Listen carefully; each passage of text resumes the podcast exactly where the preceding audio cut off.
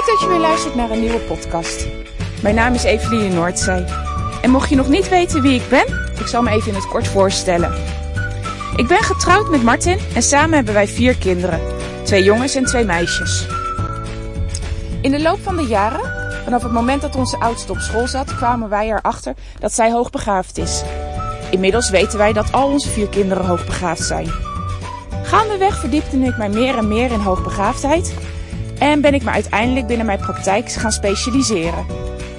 Inmiddels zijn we vele jaren verder en hebben wij onze eigen weg gevonden. Wij leiden een reizend bestaan met onze kinderen en ze krijgen thuisonderwijs. Naast mijn blogs ben ik ook gestart met het opnemen van podcasts. Mocht jij vragen hebben of een onderwerp weten voor de podcast, laat het mij gerust weten. Maar laten we voor vandaag maar eens aan de slag gaan.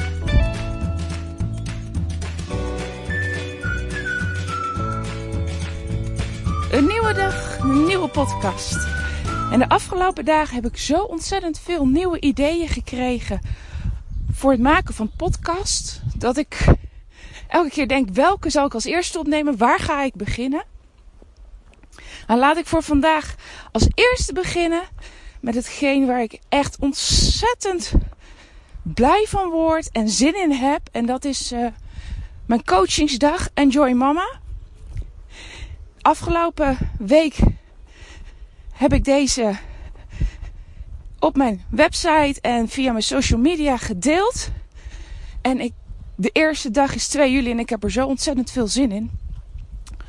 Enjoy Mama is speciaal voor moeders die heel graag iets in hun gezinssituatie willen veranderen en zelf niet weten waar te beginnen.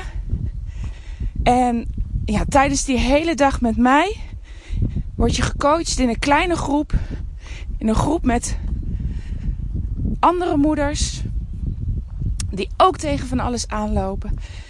En uiteindelijk is het de bedoeling dat je aan het eind van de dag uh, naar huis gaat met een heel concreet plan waar je aan kan gaan werken in jouw gezin.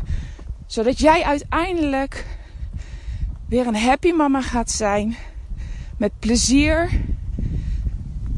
En vooral dat je rust en weer gezelligheid krijgt in je gezin. Dat is het doel van die dag. En de eerste aanmeldingen zijn al binnen. En daar ben ik echt super trots op en heel dankbaar voor. Ontzettend leuk dat er mensen vertrouwen in mij hebben en met mij samen aan de slag willen gaan. Dus ik kijk daar heel erg naar uit. En wil je er iets meer over weten? Um, je kan mij een berichtje sturen. Maar je kan natuurlijk ook even op mijn website kijken. Of als je me volgt via social media, op Facebook of Instagram. Daar kan je ook wat van daarover vinden. Maar goed, dat is dan voor 2 juli. En van vandaag in deze podcast wil ik het met jullie hebben over communicatie. En dan gaat het niet zozeer over de communicatie van jouzelf, als wel de communicatie vanuit jouw kind. Want weet jij dat jouw kind ontzettend veel vertelt aan jou middels woorden, echt letterlijk woorden, maar vaak ook middels gedrag. En hoe kom ik dit nou, hoe kom ik nou bij dit onderwerp? Dat heeft te maken met dat ik gisteren naast mijn dochter zat en die vroeg om mijn telefoon. Want die vindt het heerlijk om zichzelf te filmen en dan ondertussen te zingen. En op het moment dat zij aan het zingen is, en dat was natuurlijk niet alleen gisteren, maar ik, ik merk dat heel vaak, vertelt zij wat er in haar leeft, wat er in haar speelt. En dat is zo ontzettend interessant. Want heel vaak weet jij eigenlijk niet wat er in je kind omgaat. En op het moment dat je daarnaar gaat vragen, dan kan het je het kind dat eigenlijk helemaal niet onder woorden brengen. Zeker bij jonge kinderen niet. Naarmate ze ouder worden, wordt het natuurlijk steeds makkelijker. Maar zeker jonge kinderen hebben daar heel veel moeite mee. En dat is ook niet zo raar. De woordenschat is nog niet groot genoeg. Ze begrijpen hun eigen emoties heel vaak niet. Nou, in die combinatie van en het begrijpen van je eigen emoties en er ook nog eens woorden aan geven, ja, dat is gewoon heel moeilijk. En dat is redelijk vaak ook nog heel lastig voor ons als volwassenen. Dus laat staan voor, voor kinderen. Maar dus in spel,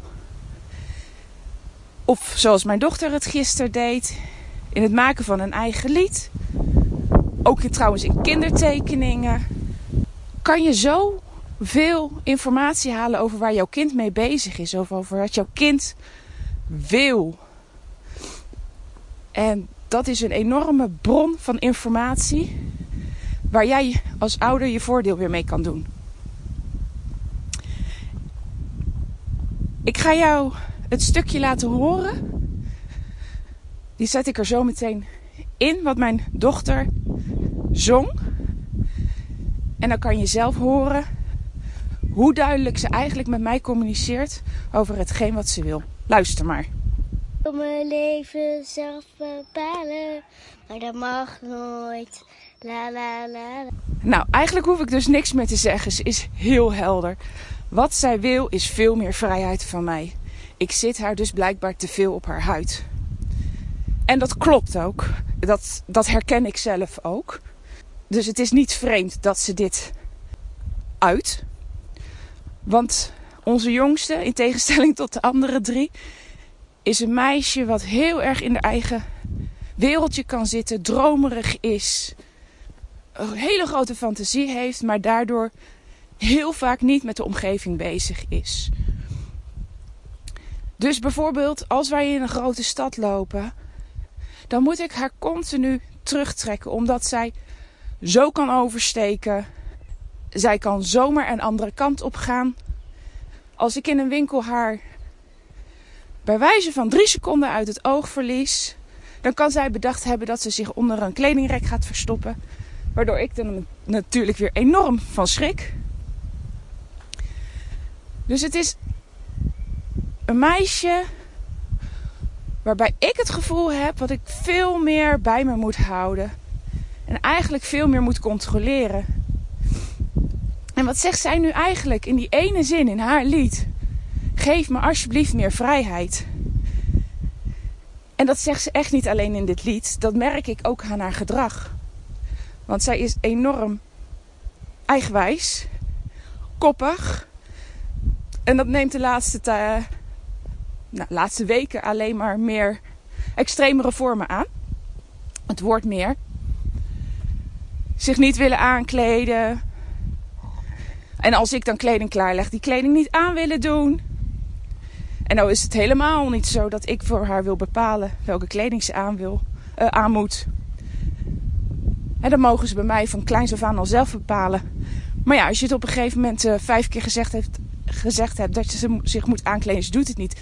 Ja, dan ga ik over tot bepalen. Nou, dan gooit zij de kont dus tegen de krip.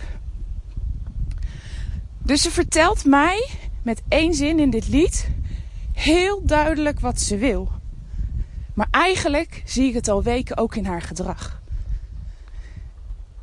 Nou, en dan komen we dus tot het punt wat ik je met deze podcast duidelijk wil maken. Als je wil weten hoe het anders kan, hoe je verandering kan brengen omdat je bepaald gedrag van het kind niet fijn vindt, dan kan je dat zien in het gedrag. Je kan het zien als je kind, net zoals die van mij, zich creatief uit door middel van zang of door middel van spel of door middel van tekeningen. Waar jouw kind behoefte aan heeft. En op het moment dat jij ziet waar de behoefte van jouw kind ligt, kan je ook in actie gaan komen. Kan je aansluiten bij wat jouw kind nodig heeft. En nee, dat is echt nog steeds niet makkelijk. Ook al weet je het, je weet die behoefte. Want ik weet dat die behoefte bij haar er is om zelf te bepalen. Maar ik weet ook dat als ik niet oplet, zij zo gaat oversteken zonder te kijken. Nou, en dan is het dus de kunst om de compromis te vinden tussen aan de ene kant die vrijheid in haar geval wel geven en aan de andere kant ook de veiligheid waarborgen. En dat is niet altijd makkelijk. Ehm, maar met vallen en opstaan kom je daar echt wel uit. Een hele korte podcast, omdat ik er niet veel meer woorden aan wil wijden dan dit. Ik denk dat het punt wat ik wil maken, wat ik je mee wil geven, heel duidelijk is. Ga kijken wat jouw kind met zijn gedrag wil zeggen. En ga daarmee aan de slag. Nou, zoals elke podcast sluit ik nu ook weer af met als je vragen hebt, schroom niet om mij een bericht te sturen. Dat kan via Facebook, kan via Instagram, maar dat kan ook gewoon via mijn website. Nou, dan laat ik het hierbij voor vandaag. En uh, al die andere ideeën van podcasts, die komen eraan. Die ga ik deze week proberen op te nemen. Fijne dag nog!